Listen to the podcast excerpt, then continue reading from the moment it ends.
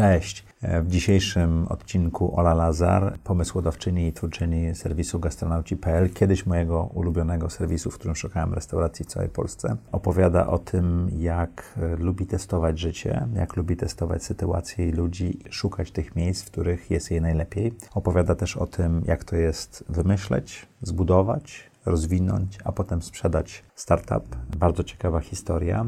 Ola w tej chwili działa w akceleratorze e, foodtechowym, gdzie pomaga znaleźć dużym firmom startupy, startupom finansowanie i rozwijać się. Także jeżeli jesteście mm, pasjonatami jedzenia, gotowania, restauracji, ale jeżeli generalnie myślicie o swoim rozwoju, to może być super rozmowa za, dla Was. E, bardzo serdecznie Was zapraszam. Zaprojektuj swoje życie.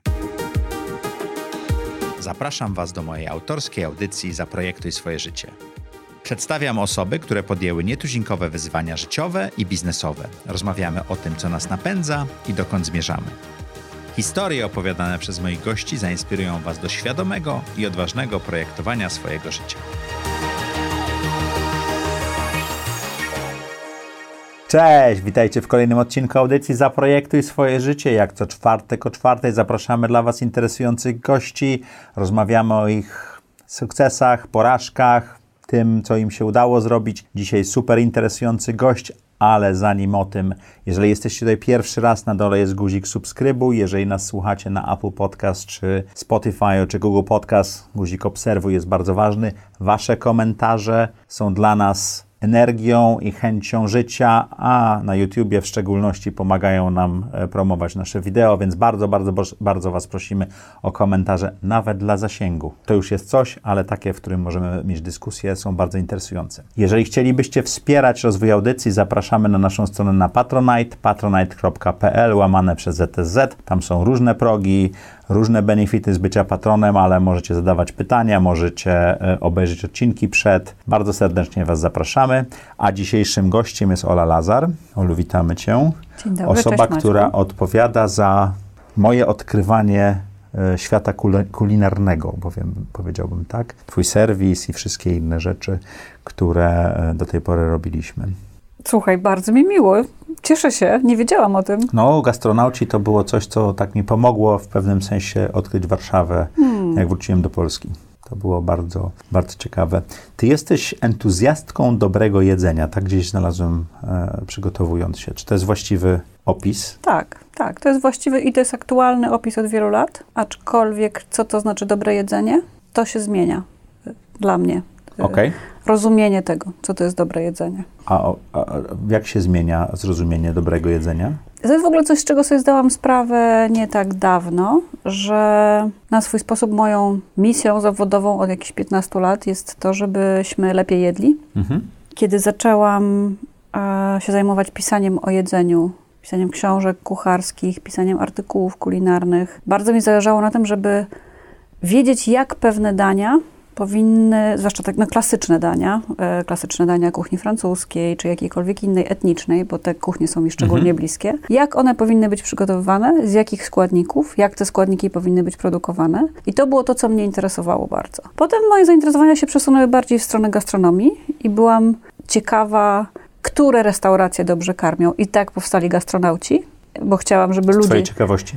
Tak, z mojej ciekawości, z mojej potrzeby e, i z takiej chęci udostępnienia tej wiedzy i ułatwienia ludziom dzielenia się tą wiedzą, bo chciałam, żebyśmy dobrze jedli w restauracjach i żeby to było prostsze, żeby można było prościej znaleźć dobre miejsce. Potem się zaczęłam interesować bardziej chińską medycyną e, mhm. i zaczęłam patrzeć na to, jakie... Medycyną czy chińską kuchnią? Czy to jest Tradycyjną połączone? medycyną chińską, to, to, która jest bardzo związana z tym, co się je. To mhm. znaczy jakby jedzenie jest tutaj podstawą. I wtedy zaczęłam rozumieć, że Dobre jedzenie to jest takie, które przede wszystkim służy zdrowiu. Już PAL 6, czy ono jest zrobione zgodnie z regułami klasycznej, na przykład kuchni francuskiej, choć często to się zbiega. Często to jest tak, że w tych kuchniach tradycyjnych, etnicznych. Te reguły są podobne? Te reguły, one mają sens. Jakby mhm. Składniki dań są nieprzypadkowe. No więc dobre jedzenie okazało się tym jedzeniem zdrowym, a teraz dobre jedzenie to jest to jedzenie, które jest dobre dla planety, które jest dobre Czyli dla ekologia. klimatu.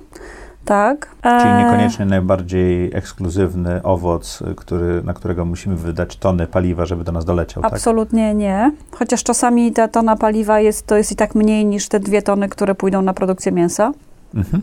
Więc żeby było dobre dla biznesu, żeby było dobre dla e, zdrowia, czy planeta, zdrowie, biznes i żeby to się jakoś równoważyło. I też zależy mi, żeby było lokalne. I zależy mi, żeby ono było produkowane w Polsce, żeby polscy producenci mieli swoje miejsce na rynku, zarówno polskim, jak i europejskim, czy światowym. To Ja chciałem Cię zaprosić z dwóch powodów. Po pierwsze, żeby Twoją historię o gastronautach, zrobieniu startupu, rozwinięciu go i sprzedaniu, że porozmawiać, bo nie mamy wielu historii o tym, że ktoś wyszedł z sukcesem z projektu. Ale drugi, bardzo, który mnie bardzo mnie interesował, a propos projektowania swojego życia, to jak się robi zawód, czy też główne zajęcie ze swojego hobby, zaczynając pracę na SGH, pracując w City, w Kanale Plus, francuskiej Izbie Gospodarczej i tak. To, to, ta droga Twoja odkrywania e, miejsca na pasję w Twoim życiu zawodowym jest bardzo dla mnie interesująca. Mogłabyś opowiedzieć o tym? Słuchałam wielu wcześniejszych odcinków. Nie wiem, czy to dobrze, czy to źle. E, więc myślę, że już by To wystarczająco jak wyglądało dużo, projektowanie Twojego życia do tej pory? już wystarczająco dużo osób powiedziało, ale ja nic nie projektowałem, ja nie projektuję, nie projektujmy. E, więc mogę powiedzieć, że ja też nie za dużo projektowałam z wyprzedzeniem. Może pre- próbowałam projektować, jak byłam bardzo młoda, bo mi się wydawało, że to ma sens, a potem stwierdziłam, że jednak ten... No ale wylądować w City to jest jeden z ciekawszych, że się tak wyrażę, miejsc pracy, które można tuż po SGH dostać, prawda? To było bardzo w, w Mhm. dobre miejsce pracy, rzeczywiście. Natomiast ja, tak pl- planuję następny krok i potem się okaże. I potem, oka- potem się okazuje właśnie, że na przykład coś mi pasuje na rok, na dwa, na pięć, na siedem, na osiem, jak Ale, ale chciałaś iść w biznes, prawda? Bo tego Tak. jedzenia nie było na początku. Y, Jedzenie było tylko hobby. Ono było hobby od czasu, kiedy byłam nastolatką. Tak jak wielu z E, nas je ma, tak? Tak, e, Mhm. choć może ja trochę bardziej. już, to już w liceum kolekcjonowałam książki, gotowałam. No to rzeczywiście to było dosyć wyraźne, natomiast rzeczywiście to było hobby. I ja chciałam jakoś tak z, y, trochę z rozpędu chciałam iść. Najpierw nieświadomie mnie ciągnęło do, do świata biznesu, ale też mnie ja miałam bardzo dużą ciekawość dla świata i mam ją cały czas. Mhm. Więc ten wybór pracy w korporacji międzynarodowej, pracy w Citibanku, to był wybór podyktowany z jednej strony ciekawością dla biznesu, ale też ciekawością dla świata, bo ja wiedziałam wtedy, pamiętam, że to zwróciło moją uwagę, jak aplikowałam, że to jest bank, który jest obecny w 100 krajach. I to na Mhm. mnie robiło ogromne wrażenie. Chciałam pracować w międzynarodowym środowisku. Chciałam mieć kontakt na bieżąco z ludźmi z różnych krajów. e, I miałaś Miałam. w, te- w tej Miałam, pracy? Tak? miałam, miałam. Nawet Mia- jako, to był tak, taki staż, czy tam pierwsze takie po, pozycje, prawda? Tak, ja miałam ogromne szczęście, bo dostałam się na taki program, który się nazywał Management Associate, czyli Mhm. no, dla takich powiedzmy obiecujących absolwentów. I założenie tego programu było takie, że my pracowaliśmy po 6 miesięcy e, W w różnych różnych, miejscach. działach, a wtedy e, struktura Citibanku była bardzo mała w Polsce. To było 800 osób, to było przed fuzją z e, bankiem handlowym. handlowym. Było wtedy bardzo dużo obcokrajowców i my mieliśmy taką no, szybką ścieżkę. Mhm. Pamiętam, że rozmowy rekrutacyjne miałam z prezesem Citibanku wówczas w Polsce. Potem Okej. jak zdecydowałam, że odchodzę, to też on mnie poprosił o rozmowę i zapytał, co się stało, dlaczego odchodzisz. Więc jakby to rzeczywiście, on, on był Hindusem, e, mój bezpośredni przełożony też był Hindusem i to były takie rzeczy, które były takimi do- dodatkowymi, Tym, co chciałaś. tak, tak, że Mhm. To ważne, co robię, ale też ważne w jakim środowisku. Co dała ci ta praca? E, zrozumienie, mm, może poczucie, jak działa korporacja, jak Mhm. działa duża struktura, stosunkowo duża, hierarchia, e, jak zapadają decyzje. I przeszłaś z amerykańskiej firmy do francuskiej później, Tak, do kanału Plus. to była duża zmiana kulturowa. E, No tak. To była zmiana kulturowa, dlatego że zmieniłam branżę z finansów na media Mhm. i zmieniłam też obszar I też kulturowy. poszłaś w stronę marketingu chyba, tak? Ja tam się zajmowałam rozwijaniem usług interaktywnych, czyli Okej. to de facto były Digital, To, to aplikacje. się digital nazywa, tak. Tak, tak. To były aplikacje, które się uruchamiało na set-top boxach, czyli Mhm. dekoderach. Super nowo, nowatorska rzecz w tamtym czasie. Dla mnie bardzo ekscytująca. Teraz to Mm. już nawet te aplikacje się na telewizorach odpala, ale wtedy to rzeczywiście było na Tak, no, tak. to było dawno temu. No i pociągnęła mnie odmienność tego i taka właśnie nowatorskość, pionierskość, inny świat. Myślałam sobie, okej, no To skąd pomysł, to. żeby pracować w izbie handlowo-gospodarczej? Francuskiej to rozumiem, bo z francuskiej firmy i tak dalej, ale to jest zupełnie inny, inna dynamika i też mniejsza organizacja, prawda? zupełnie inna dynamika, e, zwłaszcza, że izby gospodarcze często są kojarzone i tak trochę działają jak urzędy. Mhm, bo to nie jest not for profit, tak, organizacja. Y, a znaczy akurat w Polsce to była spółka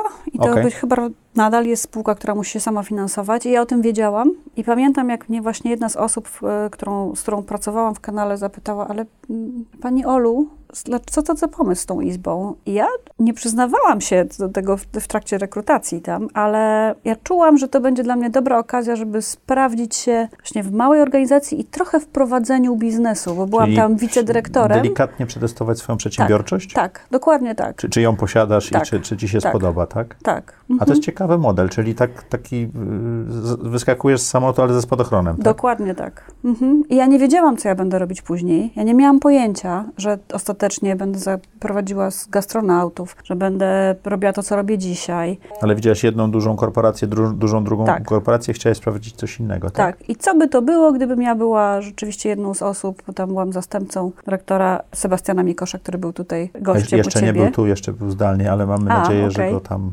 zaprosimy wreszcie na ten fotel. Więc to, był, to, to była taka jazda próbna. Mhm.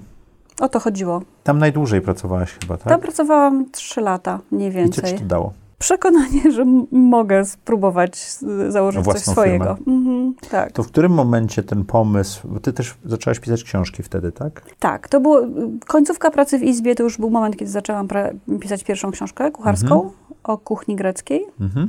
I to był też ten moment, w którym podjęłam decyzję, że kiedy jak nie teraz. Jeżeli kuchnia to jest coś, co mnie tak bardzo interesuje, a zdałam sobie tego, z tego sprawę, wracając po raz enty z delegacji z Francji, z walizką pełną nie tylko książek kucharskich, ale też z torbą, z garnkiem żeliwnym. Z przyprawami i tak dalej, I z tak. różnymi takimi właśnie akcesoriami. To myślałam sobie, hmm, może ja jednak powinnam robić coś, co jest bliżej tego, co mnie tak bardzo interesuje. I, A i miałeś, dyson, a miałeś dysonans między pasją a pracą przez te lata, e, które po studiach? Dysonans. Hmm.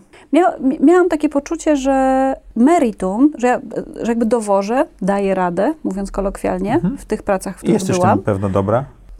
Tak, jako, Mhm. jakoś tak. Natomiast, że to nie jest coś, czym ja żyję. Brak pasji. E, mhm. I że, że mogę to robić, ale nie ma tego, że nie czuję tego impulsu wewnętrznego, takiego, no, że nie, nie kocham tego. To jest okej, mogę to robić, mogę przychodzić dziewiąta, tam siedemnasta czy dłużej jak trzeba. Mhm. Mogę się zaangażować, że zależy mi na tym, żeby projekty wychodziły, ale że nie ma w tym rzeczywiście jakiejś e, nie, potrafisz, serca. nie potrafisz się w tym zatracić pewno, prawda? I że, Okej. no nie wiem, nie doczytuję, wiesz, po godzinach, że to mnie nie pasjonuje. I że jest coś innego, co mnie pasjonuje. Okej. To jak się pojawia pomysł na serwis, którego używa później ponad milion Polaków codziennie, czy tam co miesiąc? Pierwszy raz ten pomysł mi ześwitał w trakcie jednej z delegacji, jak jeszcze pracowałam we, w Izbie. Byłam na delegacji we Francji i kolega robił jakąś prezentację, kolega, który był moim odpowiednikiem z Czech. I jakoś mnie to zaczęło nudzić, a jak wiadomo, nuda jest takim świetnym, Mhm. prawda, świetną pożywką, świetnym gruntem do tego, żeby coś wymyślić. I tam sobie zaczęłam rozrysowywać, że to fajnie by było, gdyby był coś tak...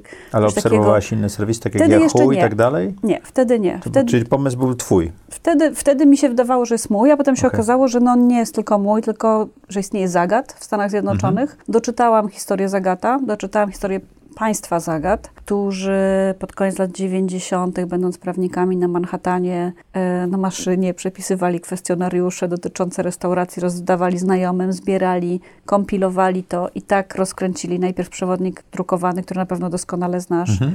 a potem wszedł internet i przenieśli to wszystko do internetu. I myślałam sobie, hmm, para prawników mogła stworzyć coś takiego. Miałam kolegów, którzy mieli serwis z przepisami kulinarnymi tutaj i ten serwis działał, mniamniam.pl. Myślałam sobie, okej, no tam się udało z restauracjami, tym się udało z przepisami, to może ja też spróbuję, bo to jest coś, co jest mi bliskie i ja wtedy w ogóle recenzowałam restaurację dla jednego z dzienników w Warszawie. Czyli miałaś to już trochę opracowane, jak to się robi, tak? Tak, ale przede wszystkim ja zauważyłam, że ja nie mam skąd brać informacji. Nie ma katalogu restauracji nigdzie. Że jako recenzent polegam trochę na takim... Na swoim networku? Na moim, na, na moim networku, tak, na tylko moim networku. Jeśli ja mam problem z tym, żeby się dowiedzieć, ile jest chińskich restauracji w mieście, jakie są chińskie restauracje w mieście na przykład, no to co dopiero ktoś, kto w tym nie siedzi. Mhm. A to był ten sobie- okres, że jeszcze nie było, już nie było książek telefonicznych, a jeszcze Tak. Google nie miały tego wszystkiego tak zmapowanego, Dokładnie, dokładnie tak. No i pomyślałam sobie, okej, znów, kiedy jak nie teraz,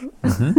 kto jak nie ja, Ale to był taki spróbuję. krok, że żegnam się i robię biznes, czy to powolutku ruszałaś pracując? Jak, to wyglądało? Ja najpierw odeszłam z pracy, Mhm. przez dwa lata zajmowałam się, byłam dziennikarką Mhm. e, kulinarną i autorką książek kucharskich. Napisałam ich kilka wtedy, Z cztery tego da chyba. się żyć? Nie tak jak z biznesu, jak z Mhm. pracy w biznesie, ale da się. Mhm. Dało się. Nie wiem, jak jest teraz. Może być ciężej. Chyba, że ktoś ma własną markę wypromowaną w social mediach i jest, wiesz, I sam influencer. wydaje. Tak, tak. Więc y, przez dwa lata robiłam to i ro, robiąc, pisząc, pomyślałam sobie, że jednak ciągnie mnie trochę właśnie do biznesu, do stworzenia czegoś swojego i że to jest chyba ten moment, żeby przetestować, czy jakby użyć tych umiejętności, które wyniosłam z Izby i stworzyć własny, własną firmkę. Aczkolwiek ja podchodziłam do tego bardzo ostrożnie. Pomyślałam sobie, spróbujmy. I zrobiłaś stronę gastronauci.pl, tak? Skąd nazwa? Przyszła, to, to była inspiracja, na którą wpadłam mijając moją biblioteczkę kulinarną. Była tam książka autora, który się nazywał Stefan Gates i on napisał książkę pod tytułem Gastronaut. O dosyć kontrowersyjnej treści, ale mniejsza z tym. W każdym razie pomyślałam sobie, okej, to jest dokładnie to. To jest y, I domena była dostępna? domena, domena. Wyobraź sobie, że, Że była, była. dostępna. Tak, nikt Ja, wcześniej... ja byłem zaskoczony, że zaprojektuj swoje życie jest dostępne, jak wybierałem, ale było. Widzisz? No. no. Rozumiem, że pisząc książki, recenzując, stworzyłaś serwis, tak? Tak, jeszcze przez jakiś czas pisałam i recenzowałam, ale pomału wygaszałam tą działalność, no bo już mm, nie miałam na to czas, czasu Mhm. i coraz mniej miałam potrzeby też, żeby to robić. A ile recenzji najpierw napisałaś na stronę? Czy to od razu było pisane przez gości, czy na początku to były twoje recenzje, czy jak to działało? Więc zadziałałam bardzo podobnie do Oli Szałek, Okej. o czym wiem też z, Z jednego wywiadu? z poprzednich e, tak, wywiadów. Napisałam sama kilkaset pierwszych, znaczy, to znaczy najpierw stworzyłam Opisów. bazę, Mhm. Najpierw dodałam sama własnoręcznie kilkaset restauracji, a potem napisałam pewnie ponad 100 recenzji. Ale recenzji jako recenzent, czy recenzji u góry, Recenzji jako recenzent. ale podpisując się swoim imieniem i Tak, nazwiskiem, tak? Tak. I w pewnym momencie, e, już jak serwis działał jakiś czas, pomyślałam sobie, że to nie jest fair, że to ja nie powinnam pisać recenzji. Mhm. Powinnam się wycofać, bo jestem właścicielką tego Mhm. serwisu. Też niektórzy restauratorzy się reklamują, więc y, nagle to jakoś do mnie, nie, nie od razu to dla mnie było A to był oczywiste. pewno rok czy dwa po działaniu serwisu? Myślę, że coś koło tego, Mhm. tak, czy bardziej rok niż dwa. No i y, pewnego dnia wzięłam i skasowałam wszystkie swoje recenzje i programiści nie wiedzieli o tym. Kiedyś po prostu spoglądają i powiedzą, Ktoś nam się. Oli recenzje zniknęły. Ej, Oli recenzje zniknęły. Nie wiedzieli, że to ja zrobiłam sama.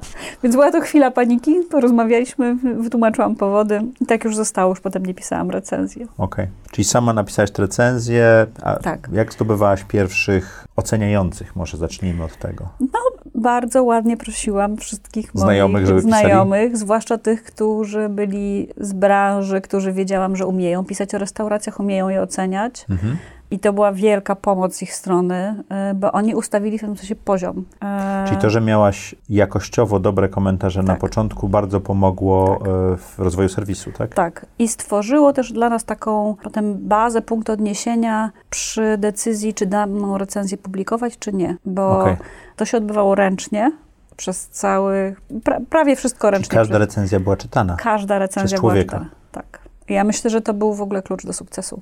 Coś, czego żaden inwestor by nie sfinansował, Okej. dzisiaj pewnie, i też w ogóle nikt by tego nie robił Ale ty sama sposób. sfinansowałaś ten biznes? Tak, I- od początku do końca. Ile pieniędzy włożyłaś w ten biznes? 10 tysięcy złotych. Ile?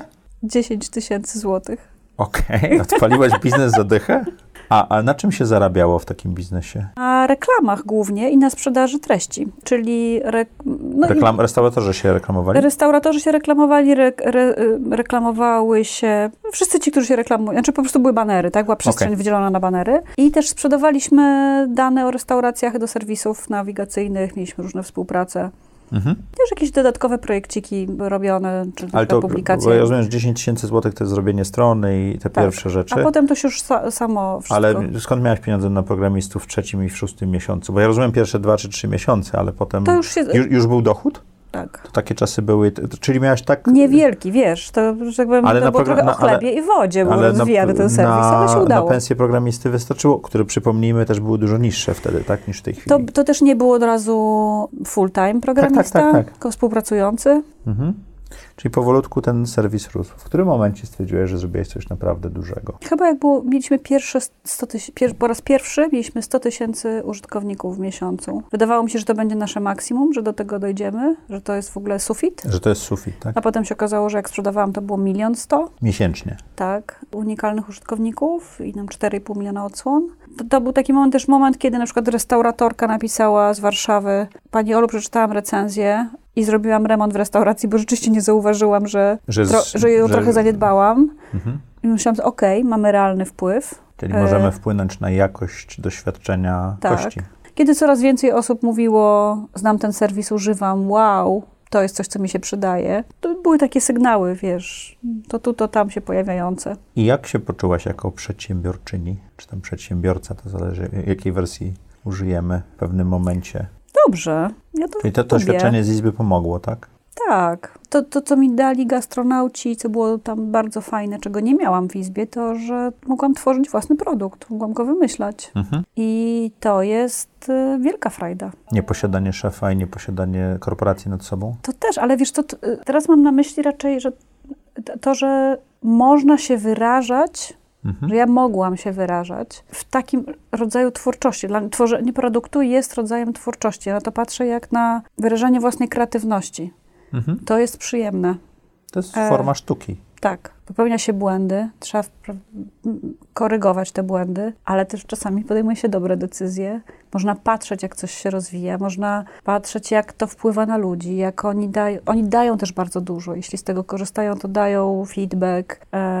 Sam fakt, że z tego korzystają, to jest w jakiś tam sposób satysfakcjonujące, No I też wynagradzające. od użytkowników informacje. Tak, tak, My w to jest audycji wielka przyjemność. Zrobiliście taki eksperyment, podoba nam się, nie podoba nam się i tak dalej. To też jest ciekawe. Tworzenie własnego produktu jest niezwykle przyjemne. Chwilę potem zaczęłaś robić kolejny serwis, czyli stoliczku, Mhm. czyli serwis rezerwacyjny. Tak. Pomysł, rozumiem, wziął się z tego, że w branży siedziałaś i nie było czegoś takiego specjalnie. Ja już wiedziałam o tym, że takie serwisy są w momencie, w którym tworzyłam gastronautów i zakładałam, że tak może się zdarzyć, że jeżeli gastronauci się rozkręcą dobrze, to może przyjdzie taki moment, że warto będzie stworzyć serwis rezerwacyjny. E, I wydawało mi się, że wiem, że ten moment właśnie przyszedł i taki serwis wspólnie z kolegami, tam, z programistami postawiliśmy.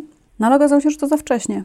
Ludzie nie byli gotowi na takie Mhm. rzeczy. Ale Kwan- Kwandu. Kwandu chyba też weszło w tym samym czasie, prawda? Kłando wyszło niewiele po nas. e, wyszło dwa lata po was. Błyskawicznie pozyskało mnóstwo restauracji, chyba 600 restauracji podpisali, Mhm. dużo więcej niż my w krótkim czasie, większy budżet, no i też się wycofali. Do dzisiaj nie ma serwisu rezerwacyjnego. E, Czyli jest Booksy dla fryzjerów, Versum dla salonów piękności i tak dalej, a nie ma serwisu rezerwacyjnego dla restauracji. Mhm. Jest biznes do zrobienia. Pytanie, czy to jest biznes, tak? Mhm. Pytanie, czy w Polsce to jest biznes, zwłaszcza teraz w kontekście pandemicznym, bo żeby to był biznes, to Te restauracje muszą... muszą być pełne. Dokładnie tak. Mhm. A polskie restauracje nie były pełne, rozumiem wtedy. Nie. Okej. Niska motywacja do rezerwacji. Jak Dużo to jest mieć projekt, który wyszedł Mhm. i leci rak, jak, ra, jak, jak rakieta, Mhm. i drugi, który nie radzi sobie i... Wiesz, no, lepiej niż mieć sam dwa, które Mhm. sobie nie radzą. Jak trudno było decyzją e, zamknięcie stoliczku? No to był smutek. Mhm. To była lekcja. To było bardzo drogie szkolenie, że tak powiem. Drogie w sensie inwestycji, Tak, czasu no, i pieniędzy, to były, tak? tak? to były strat- stracone pieniądze. I też większe Też niż te 10 tysięcy na początku większe. później. Większe, większe. No ale trudno, ja nie rozpamiętuję tego. Okej. Nie. W pewnym momencie zdecydowałaś się sprzedać gastronautów, co Mhm. uważam, że było najgorszym błędem dla krajobrazu polskiej kuchni, bo to był najlepszy serwis, jeżeli chodzi o opinię. Nie ma, subiektywnie nie ma w tej chwili takiego miejsca, gdzie ja mogę dostać te same informacje. Nawet mi tego nie przypominaj, bo się rozpłaczę. Czemu to sprzedałaś? Poczułam, że dochodzimy do sufitu, Mhm. że samodzielnie nie rozwiniemy tego dużo bardziej, samodzielnie, bez jakiegoś dużego wsparcia kapitałowego w postaci inwestora branżowego czy innego. Rosła konkurencja w postaci Google Maps, Facebooka. Wtedy się jeszcze liczył TripAdvisor. Dzisiaj mam wrażenie, że jak chodzi o wyszukiwanie restauracji, TripAdvisor już Mhm. praktycznie nie, nie, nie, nie jest aż tak istotny. I myślałam sobie, że no to jest może dobry moment, żeby zacząć jeszcze coś nowego, że jednak też po 7-8 latach prowadzenia tego Też się biznesu. człowiek męczy, prawda? Tak, że, i że miałam stoliczku, bo ja sprzedałam gastronautów stoliczku, zachowałam. Mhm. Znaczy zachowaliśmy. I to była taka decyzja rozsądkowa, ale emocjonalnie A trudna. jak znalazłaś kupującego? Bo to jest ciekawy proces, o którym chyba jeszcze nie rozmawialiśmy w audycji. Jak się szuka kogoś, kto kupi cały biznes od ciebie? Kupujący sam się znalazł. A przyszedł, zapukał i powiedział, że Napisał na. LinkedIn. Na LinkedIn. Wiadomość taka. Dzień dobry, Tak. chciałbym kupić pani biznes. Tak. Ja byłam przekonana, że to jest informacja od jakiegoś programisty z Indii, który szuka pracy, bo takich w tamtym czasie przychodziło bardzo dużo zapytań, więc nawet się za bardzo nie wczytywałam w pierwszej chwili, e, ale się potem wczytałam i okazało się, że to jest właśnie propozycja. I przylecieli kupić biznes? Tak. Okej. Czy to były długie negocjacje? Nie, to się dosyć szybko odbyło. Mhm. Czy jesteś zadowolona z tej transakcji? Teraz z Wiesz, perspektywy powiem tak. Jak podpisywałam umowę sprzedaży, to płakałam. Jeżeli chodzi o emocje, czy o szczęście i, i Nie, fortunę, którą dzięki nim uzyskałaś? To, to, nie, nie, to było to ze smutku, Mhm. e, że no się to własne rozstaje. dziecko, tak? że się rozstaje z, z zespołem, że się rozstaje z, z tą społecznością, że zamykam jakiś okres życia, pracy. No i no oczywiście no idę w jakąś taką niepewność. No, wiedziałam, że co, co, co, co to znaczy prowadzić gastronautów na co dzień, a nie wiedziałam, co, co będzie dalej. Miałam jakieś założenia. Chcieliśmy tworzyć oprócz stoliczku, które chcieliśmy rozwijać i które było jeszcze przez dłuższy czas e, indeksowane, znaczy mm, linkowane gastronautów a potem z Zomato. E, tak, tak, taką, takie mieliśmy warunki. No to jeszcze mieliśmy pomysły na inne serwisy, które były około branżowe, no i to, które ostatecznie Nie nie, nie zrealizowały, tak. Mhm. Potem zrobiłaś sobie przerwę, bo stoliczku zamknęło się chyba dwa lata po tej transakcji, prawda? Już nie pamiętam dokładnie, tak. Jed- No, 11, czy półtora roku, coś, jak- coś koło tego. coś tego. Mogłaś, że się tak wyrażę, zrobić sobie przerwę sprzedając biznes. Daje to pewną wolność finansową. Co wtedy robiłeś? Uczyłam się włoskiego, Mhm. pojechałam do Włoch, znaczy tak Kuchni kilka razy języka? pojechałam. E, języka. E, uczyłam się To chińskiej tak trochę medycyny. jak Eat, Pray, Love, tak? Dokładnie tak. Okej. Tak wyszło. Uczyłam się chińskiej medycyny, pojechała na Chińskiej wakacje. medycyny w Chinach? Nie tutaj. Okej. Tu bardzo się można dobrze Mhm. nauczyć. W Polsce jest mnóstwo kursów i specjalistów Mhm. od tradycyjnej medycyny chińskiej. Pojechałam na wakacje to tu, to tam. Pojechałam do Stanów na jakiś czas i tam zobaczyłam, co się dzieje. W foodtechu w ogóle po, poznałam hasło foodtech. Nie wiedziałam, że robię foodtech robiąc gastronautów, Mhm. a okazało się potem, że go robiłam. Nie wiedziałem, że pisałem prozą do... Dokładnie. Także trochę odpoczywałam, trochę się przyglądałam, co by tutaj następnego, A, skoro a już jak wiedziałam. wygląda taki stan umysłu przedsiębiorcy, Mhm. który zrobił coś z sukcesem, zarobił na tym kasę i wyjeżdża do takich stanów i to obserwuje? To jest taki, takie poszukiwanie, takie polowanie na taką okazję, którą warto skopiować? Czy to jest po prostu pełna relaksacja, zobaczmy, co się wydarzy? Czy jak to działa? W Twoim wypadku oczywiście, bo to każdy jest inny. Pełne odprężenie to ja mam właśnie we Włoszech. yy, Język na tak przykład. dalej, tak. że jakoś ten, ten kraj tak na mnie działa. Włochy, Grecja, południe Hiszpanii.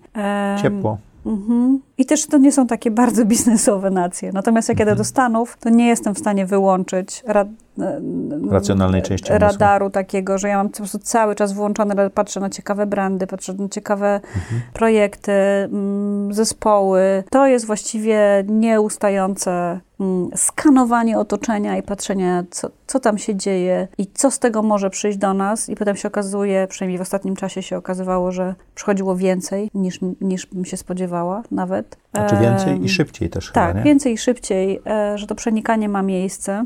Więc ja uwielbiam jeździć do Stanów. Bardzo lubię tam być regularnie. Ostatni raz e, byłam tam, wróciłam 9 marca, a 11 e, już z- zostaliśmy zamknięci w domach. To jest taki kraj, który mnie bardzo, bardzo zawsze e, naładowuje e, Mhm. pomysłami, energią. Odkryłam go w 2007 roku, późno. Dopiero. A wschodnie wybrzeże, zachodnie wybrzeże? E, Czy... wschodnie i zachodnie. Mhm. No i to jest nie, niekończąca się na razie historia. Mhm. Czy z takiego biznesu, że stworzy się startup, popracuje w nim dekadę, sprzeda, można potem żyć do końca życia? Co za niedyskretne pytania zadajesz, Maciek? Ale to o tym jest ta audycja. Nie, nie, bo to pytanie, czy warto właśnie y, za, zapracować się z pasją, oczywiście bardzo ciężko i, i to zrobić, czy nie? Na pewno nie warto nic robić, y, zaczynać z myślą, robię to po to, żeby sprzedać. To jest moje zdanie. To bardzo E, mądra myśl. Jeśli na tym ma polegać, y, to- ma być ta motywacja do wstawania rano i ciężkiej uciek, pracy, ucieknie. To ona po pierwsze może szybko uciec, może doprowadzić do jakiejś wielkiej frustracji. To, no powiem, jakiś banał. No nie, nieważny jest cel, ważna jest ta podróż. Podróż ma być przyjemna. Nawet Mhm. jeżeli jest ciężka, to ona sama w sobie musi być satysfakcjonująca. Więc ja bym nie, nie, nie stawiałabym biznesu tylko z myślą o tym, że em, on może, może mi dać pieniądze. On musi mi dawać coś więcej. A przy okazji, I nie jak da pieniądze, mi. to też bardzo miłe, prawda?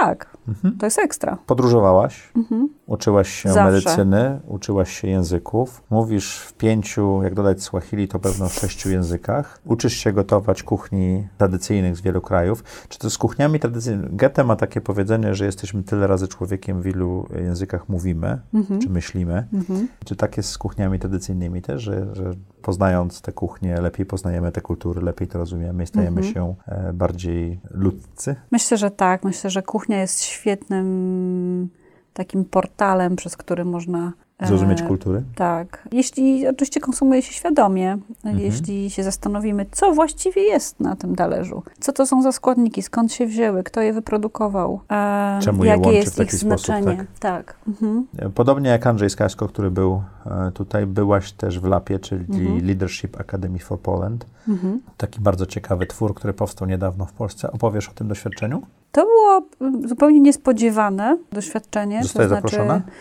Zarekomendował mnie Mhm. znajomy. Podesłał mi informację, mówi, myślę, że powinnaś aplikować, więc zaaplikowałam. Bardzo się zastanawiałam, czy aplikować. Jak już się dostałam, to się strasznie cieszyłam. Nie wiedziałam, na, nie wiedziałam w co się pakuje, bo to jest doświadczenie, które w pewnym sensie rzeczywiście, tak jak zapowiadają twórcy, może być zmieniające życie, jest zmieniające życie, dlatego że jest okazją do zastanowienia się nad tym, co jest Mhm. Ważne dla danej osoby. Dla, to, było, to, to była okazja, żebym ja się zastanowiła nad tym, co dalej, jakie następne kroki, jak chcę funkcjonować w jakimś środowisku, czy właśnie mm, to były pytania, które ja sobie zadawałam, czy mm, jakie, jakiego rodzaju produkty chcę tworzyć, co jest w pewnym sensie moją misją. Czyli taki czas na autorefleksję, tak? Tak, tak, czas I na też odbicie się autorefleksję. od innych osób. Tak, na zobaczenie, jak się funkcjonuje w grupie, zwłaszcza, że to jest grupa osób takich, w których każdy ma bardzo wyraźną osobowość, spore osiągnięcia i funkcjonowanie w takiej grupie samo w sobie jest Ale e, równocześnie te ciekawe osoby i są bardzo rozwijające. różnorodne. To nie są Bardzo. osoby po tej samej Tak. uczelni, czy też w tym, w tym samym Tak. e, fachu, tak? Mhm. To jest do, świetna okazja, żeby mieć dostęp właśnie do osób, które są spoza naszej bańki, z, z różnych sfer działalności, reprezentują różne sfery. Naukę, kulturę, sport, y, media, biznes. Nie wiem, czy był ktoś Czyli polecasz. tak politycznie Wa- warto ten czas i te pieniądze na to zużyć, tak? Tak, to Okej. jak chodzi o pieniądze, to one nie są tam wielkie, nie, nie tego są nie są, duże, bo, nie nie są są, duże. w ogóle barierą. Tam e, Myślę, że barierą jest raczej, że trzeba dobrze napisać tą aplikację i się dostać, prawda? Jeśli dobrze rozumiem, to też istotny jest Polecenie. zasięg i wpływ dan- tego, co dana osoba robi. Okej. Czyli można pracować w bardzo niewielkim zespole, ale jeżeli robi się coś, co potencjalnie ma wpływ na wiele osób, na dużą społeczność, to jest to podobnie wyceniane, Mhm. Punktowane. punktowane, tak, jak robienie czegoś e, ewidentnie spektakularnego i dużego, bo istotny jest, e, istotna jest waga tego, co, co dana osoba robi. Okej. Tak to rozumiem. A co, co, jak jest naprawdę, to trzeba zapytać Cezarego. Dobrze. To myślę, że Cezary, cza, czas, czas go zaprosić, bo coraz więcej osób po lapie tutaj e, przychodzi do nas, więc warto by było. Co teraz robisz? Teraz prowadzę e, akcelerator food techowy Food Forward. Mhm. Co to jest akcelerator food techowy? Nawet E. czytałem, to jest akcelerator plus. Tak, Tak. tak, bo rzeczywiście robimy coś więcej niż tylko Okej. akcelerację. Akcelerator no, to jest takie, taka przestrzeń, instytucja, organizacja, która akceleruje, przyspiesza rozwój e, Czyli startupów. jak mamy startup, to ja spróbuję to opo- Mhm. opowiedzieć moimi słowami, a popraw mnie jak nie ma. Jak mamy pomysł na startup albo bardzo początkujący startup, mamy jakieś fundusze, które pozyskaliśmy, a niekoniecznie duże, możemy zgłosić się do akceleratora i tam są mentorzy, tam są ludzie, którzy rozumieją, jak robić technologię, marketing i tak dalej i przez parę miesięcy możemy się y, tam rozwijać, nawet mając dach nad głową, prawda? Tak, w standardowym akceleratorze to, dokładnie to się odbywa. Mhm. W naszym przypadku ten plus e, oznacza to, że dajemy też wiedzę w takim sensie, że mm, obser- e, bardzo obserwujemy to, co się dzieje na świecie i staramy się być ekspertami od foodtechu. Jest, znaczy, tak, powiedzmy, że tak jest, że mamy tą wiedzę, że wiemy bardzo dużo, że mamy network, że ja mam network osobisty, którym się dzielę ze startupami. Dzielę się z nim ze startupami, dzielę się nim z No bo korporacjami. już e, ponad dekadę w tym biznesie, prawda? Tak, czyli to jest nie tylko łączenie z, właśnie z mentorami czy z osobami, które mogą sfinansować biznes, ale też doradztwo. Poza tym robimy też coś takiego dla przemysłu spożywczego, co jest dosyć unikalne, a mianowicie robimy jakby spersonalizowany, stargetowany scouting startupów, czyli wyszukiwanie startupów, które rozwiązują konkretne potrzeby biznesowe e, dużych firm. Czyli na przykład wyobraź sobie firmę, która jest dużym producentem warzyw, Mhm. i ta firma chce na przykład zacząć wykorzystywać coś, co nazywane jest hasłem precision agriculture, czyli taką precyzyjnym rolnictwem.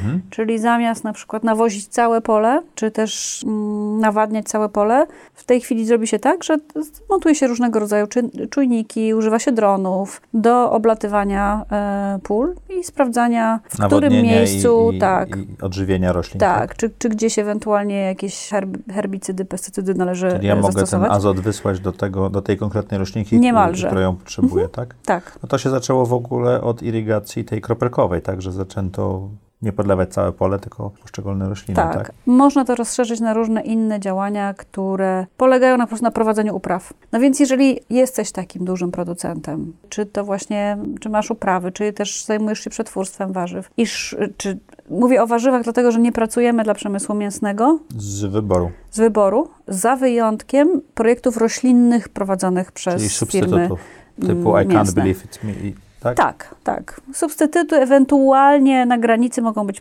projekty hybrydowe, czyli Mhm. na przykład takie produkty mięsne, w których... do- Z komórek się mięso hoduje, a nie ze Mm, zwierząt? To też, ale akurat tutaj mam na myśli zwiększanie zawartości składników roślinnych w produktach mięsnych, czyli takie troszkę oszukiwanie mięsa. Wszystko po to, żeby po prostu konsumować mięsa mniej. Mhm. Nie jesz mięsa. Jem, Mhm. ale niewiele. I bardzo świadomie jestem fleksitarianką, Ja też powiedzieć w tym momencie. miałem wywiad, chwaliłem się, że znam to pojęcie. A propos skomplikowanych pojęć, e, a propos mięsa, to w Polsce w 2019 roku spadło spożycie o 20% bodajże. A wiesz, że to niestety była, był błąd GUS-u, że to jest 2%, a nie 20%. Oj, szkoda. No trudno. To wracając do trudnych i skom... a, a przez moment miałem nadzieję. Ja też. wracając do... Wszyscy mieliśmy nadzieję. Wszyscy, którzy pracujemy na rzecz Mhm. y, tego, żeby spo- spadło spożycie mięsa. To było aż, aż zaskakujące, że tak dużo. Mhm. I że nikt się wcześniej nie odezwał, że nikt z branży mięsnej na przykład nie powiedział, gusu. strasznie nam spada sprzedaż. Mhm. Więc wracając To do tego, tak co jak robimy. ze szpinakiem, że ponoć to ilość zawartość Tak. żelaza w Mhm. szpinaku była też błędem Tak. matematycznym. Dokładnie tak. Więc wracając do tego, co robimy, to na przykład jesteśmy w stanie znaleźć startupy pod konkretne potrzeby i szukamy, robimy taki scouting. Czyli jak y, jestem dużą korporacją, mam konkretną potrzebę, mogę Mhm. się do Was zgłosić i Mhm. Wy będziecie Tak. widzieli, czy dany startup robi coś, co potrzebujemy. Tak, po- poszukamy takich startupów. W E, Polsce Albo mamy i już za je. granicą. Tak, tak. Y, Szukamy ich dosłownie na całym świecie i znajdujemy. I wtedy te firmy mogą zainwestować albo... Mogą zainwestować, mogą wdrożyć te rozwiązania, mogą zacząć. Albo od- czasami mogą po prostu kupić Tak, rozwiązanie, tak? Tak, czasami to jest kwestia rozwiązania problemu, nie, którego jeszcze inwestycji. duże korporacje typu nie wiem, Bayer, inne, że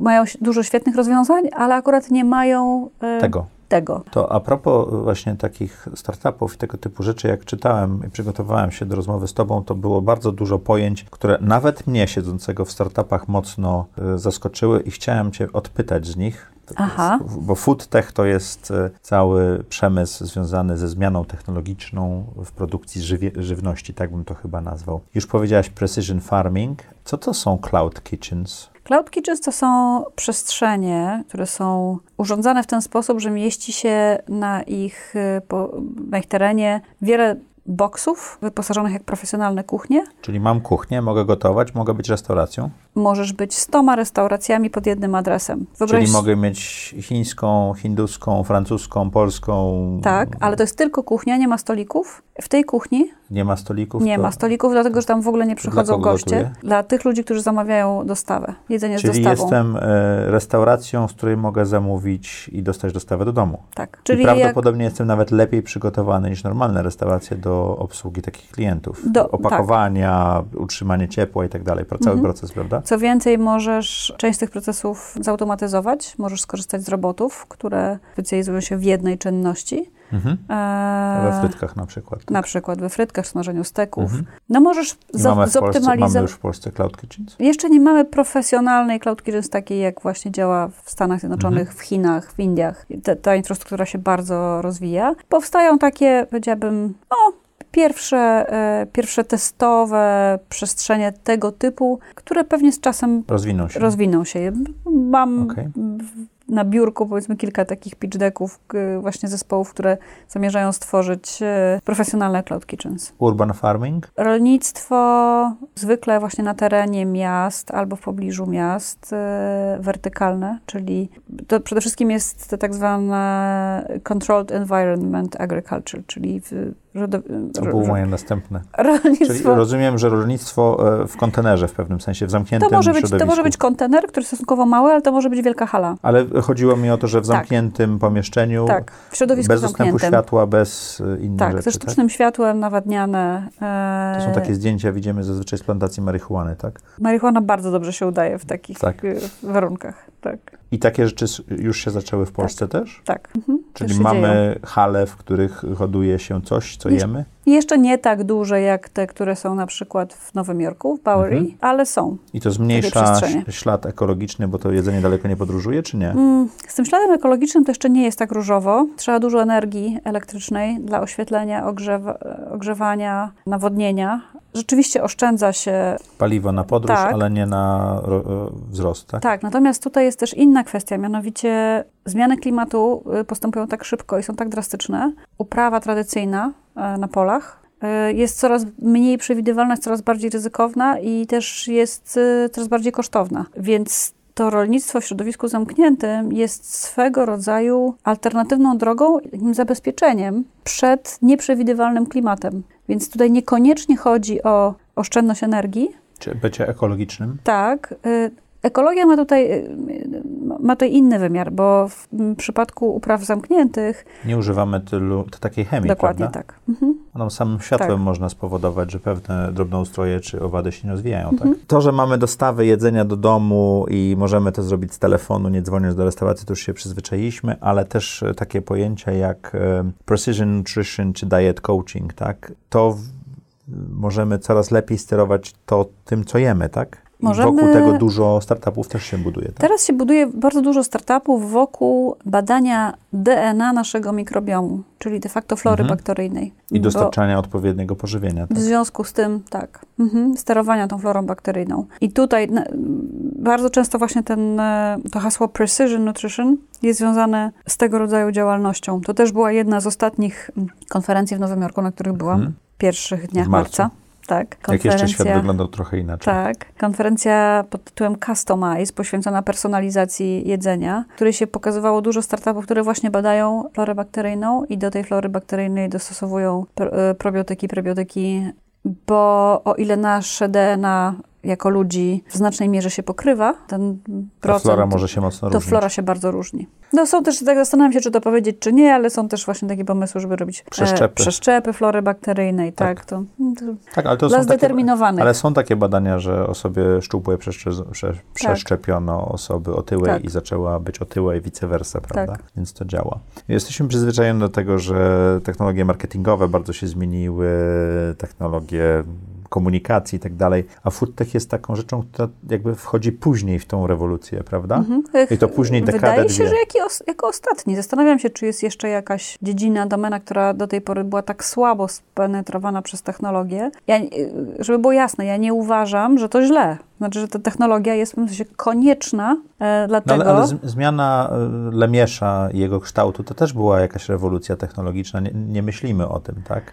Mhm. Czy wprowadzanie dużych pól i tak dalej, czy teraz zmiana na urban farming. Muszę sobie Mhm. przypomnieć te wszystkie rzeczy. Urban farming, vertical farming. Vertical farming i tak dalej. To, to wszystko się w pewnym sensie zawsze działo, tylko teraz zmianę technologiczną, którą mamy na świecie od 40-50 lat jest po prostu taka zmasowana i to samo dzieje się w technologii produkcji żywności, produkcji, przetwarzania, dostarczania. Tak, i to powoduje, że na przykład te projekty, które w tej chwili dostają najwięcej finansowania, e, to są projekty związane z poszukiwaniem roślinnych źródeł białka, które jak najlepiej naśladują białko zwierzęce. Z Tutaj punktu chodzi widzenia o ekologię, sensorycznego. czy tutaj chodzi o planetę, czy o co? Tu chodzi o wszystko po trochu. Mhm. Ekologia, planeta niemalże to samo, zdrowie. Ale biznes również, tak? Tak.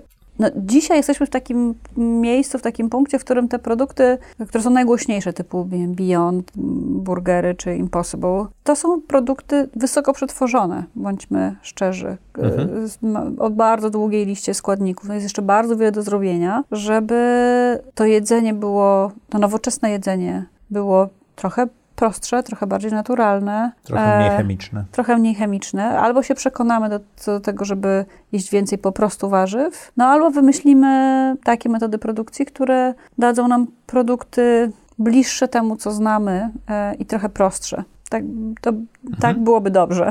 Mhm.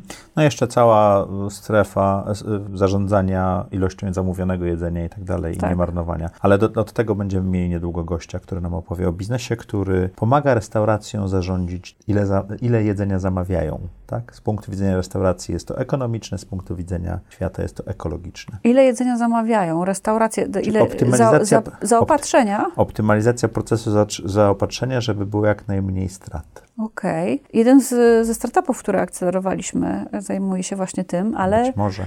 mm, Ale to w kolejnym odcinku. No dobrze. Dobrze. Słuchaj, y, na- nadchodzi taki czas y, w audycji Zaprojektuj swoje życie, że gościom zadajemy podobne pytania, żeby troszeczkę lepiej ich poznać i to jest właśnie ten moment. Czy możesz mi powiedzieć, jaką podjęłaś najlepszą decyzję w swoim życiu? Zawodowym to na pewno jest odejście z etatowej pracy i I, pójście i na pójście swoje. na swoje. I op- op- opisywałaś tą, Tak. tą decyzję. A co daje ci najwięcej energii czy satysfakcji w życiu? Relacje, ludzie, Mhm. kontakt z ludźmi, poczucie, że e, ja mogę coś dla nich zrobić i też, że oni są gotowi coś dla mnie zrobić, kiedy tego potrzebuję, kiedy czuję się rozumiana i kiedy ja mogę komuś dać zrozumienie. Ludzie. A co daje ci praca na swoim? Swobodę, wolność, to jest dla mnie bardzo ważne. Możliwość eksperymentowania, możliwość testowania. Mhm. Ja bym powiedziała, że ja nie projektuję, ja testuję. Czyli robisz A-B testing i zobaczysz, co zadziała, tak? Tak. Jak ameba przesuwasz się w, tą, w to miejsce, gdzie jest więcej pożywienia, tak? Tak. Ja tak, ja tak siebie opisuję, że mam nibi nóżki i próbuję 3, 4, 5 różnych rzeczy i tam, gdzie znajdę najwięcej energii czy też e, przyjemności, tam przeszuwam całe swoje zaangażowanie. A jak wygląda twój typowy dzień? Rano lubię się napić czegoś e, gorącego, rozgrzewającego. Jest to kawa, czy E, niekoniecznie? Nie, nie, nie, nigdy. Ja w ogóle bardzo bym mało piję kawy Mhm. nigdy nie zaczynam dnia od kawy. E, zależnie od pory roku to będzie albo kawa zbożowa z imbirem, albo czaj, taki jak się pije w Indiach. Mhm. To w ogóle jest jeden z moich ulubionych krajów. Dawno tam nie byłam, może czas wrócić. Ale coś ciepłego, coś rozgrzewającego e, żołądek. Ten napój wypijam na spokojnie, na kanapie, tak się zastanawiając nad tym, co, co dany dzień mm, chciałabym, żeby mi przyniósł i co chcę z danego dnia zrobić. Przeglądam plan zadań. Tak mniej więcej do godziny 11-12 ja lubię pracować sama. Ale masz wyłączone media i skupiasz się na tym, co tworzysz, czy to jest dialog, czy jak to działa? Znaczy unikam spotkań wtedy, Jakiś, czy z osobami z zewnątrz, czy z osobami, z którymi pracuję na co dzień. Staram się posunąć do przodu te rzeczy, które są najważniejsze, a w drugiej połowie dnia się spotykam. Wtedy mam troszkę mniej energii, skupienie e, takie naturalne jest może mniejsze i wtedy uważam, że to jest lepszy sposób na wykorzystanie czasu. I w miarę możliwości po południu e, robię długi spacer, staram się pójść piechotą z biura do domu, czyli to jest jakieś 4,5 kilometra żeby przeczyścić głowę, zajrzeć do łazienek. Mieszkam koło łazienek w tym momencie i to jest bardzo przyjemne. Spotykam się z znajomymi.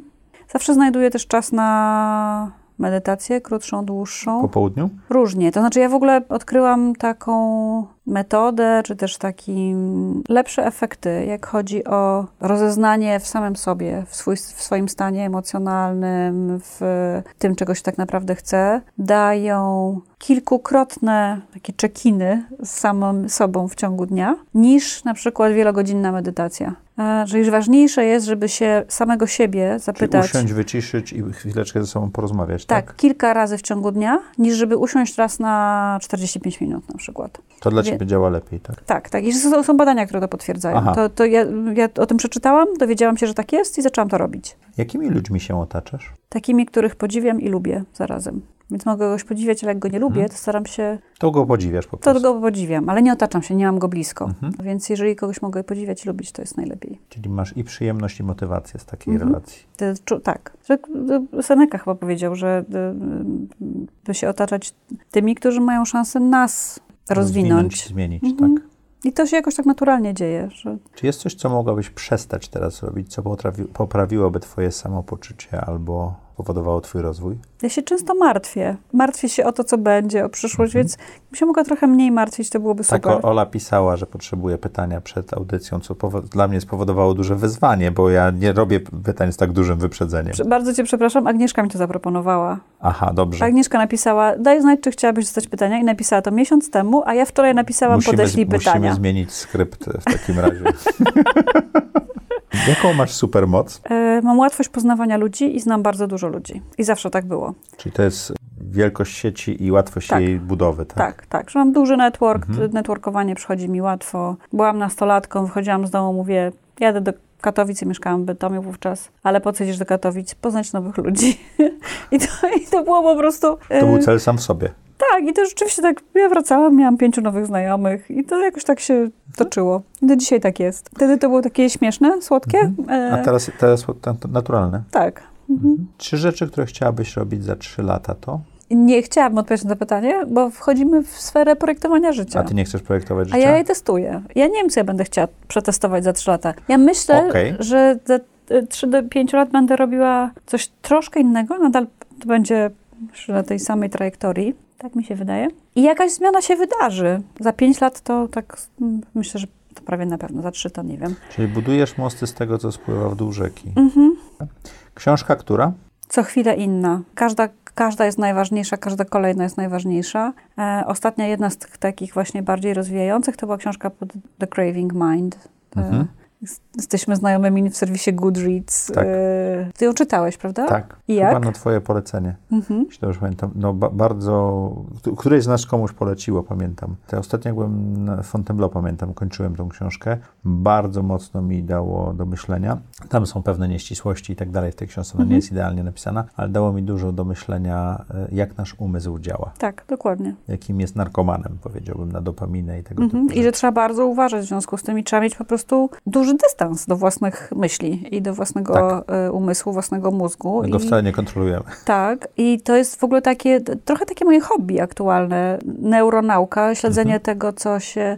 tych treści popularno-naukowych oczywiście, które się przedostają do, książek, artykułów, podcastów. E, Jestem w tej chwili pod wielkim wrażeniem tego, co robi Andrew Huberman z, ze Stanfordu, e, z Huberman Lab. On się też fantastycznie dzieli swoją wiedzą na Instagramie w bardzo taki przystępny sposób. Był gościem w podcaście Richa Rolla, którego słuchałam od bardzo dawna. No to jest to, fas, fascynujące. To jest coś, co mnie kręci. A Tak. Goodreads jest też dobrym miejscem, żeby po- patrzeć, co inni czytają, znaleźć inspirację na książki, Tak. prawda? Ale byłem pewien, że powiesz coś o swoich książkach e, kulinarnych, bo posiadasz kilkaset, ponad 600. jak- Dużo. No, to blisko gdzieś- tysiąca. Blisko tysiąca książek. Napisałaś kilka książek. Nie, nie umiałem się doliczyć, ale tak Cztery. cztery. Mhm, tak, ja myślałem cztery. 4-5, nie byłem Mhm. pewien właśnie. Także myślałem, że coś z tego będzie, ale widzę, że tutaj Craving Mhm. Mind. Polecamy tą książkę. Polecamy. e, mocno otwiera oczy na to, jaką maszyną jesteśmy i jak, jak mamy te kółka naoliwione. Olu, co chciałabyś, żeby nasi słuchacze i widzowie zapamiętali z tej rozmowy? Że warto mówić sprawdzam, Mhm. Rozwiniesz troszeczkę. że warto testować. To znaczy ja taką metodę stosuję i polecam. E, Właśnie sp- sprawdzać siebie w różnych okolicznościach, sprawdzać innych, sprawdzać tematy. Nie siedzieć z założonymi rękami i myśleć, chciałbym, czy chciałabym robić to, czy tamto, właśnie za ileś tam lat, albo tak w ogóle. Prostu pójść, nie wiem, zapisać się na kurs, porobić to, poznać tych ludzi. I zobaczyć, czy, Zobaczyć, czy to czy rzeczywiście... to pasuje. Tak, czy to przypadkiem nie jest jakiś wymyślony, wymyślona, jakaś idealistyczna wersja rzeczywistości, która właśnie żyje tylko w naszej wyobraźni. Fajnie jest sprawdzać. Bardzo Ci dziękuję. Ja też Super ci, rozmowa. ja Ci też bardzo, bardzo dziękuję. I jak co tydzień w czwartek o czwartej zapraszamy na kolejny odcinek audycji Zaprojektuj swoje życie.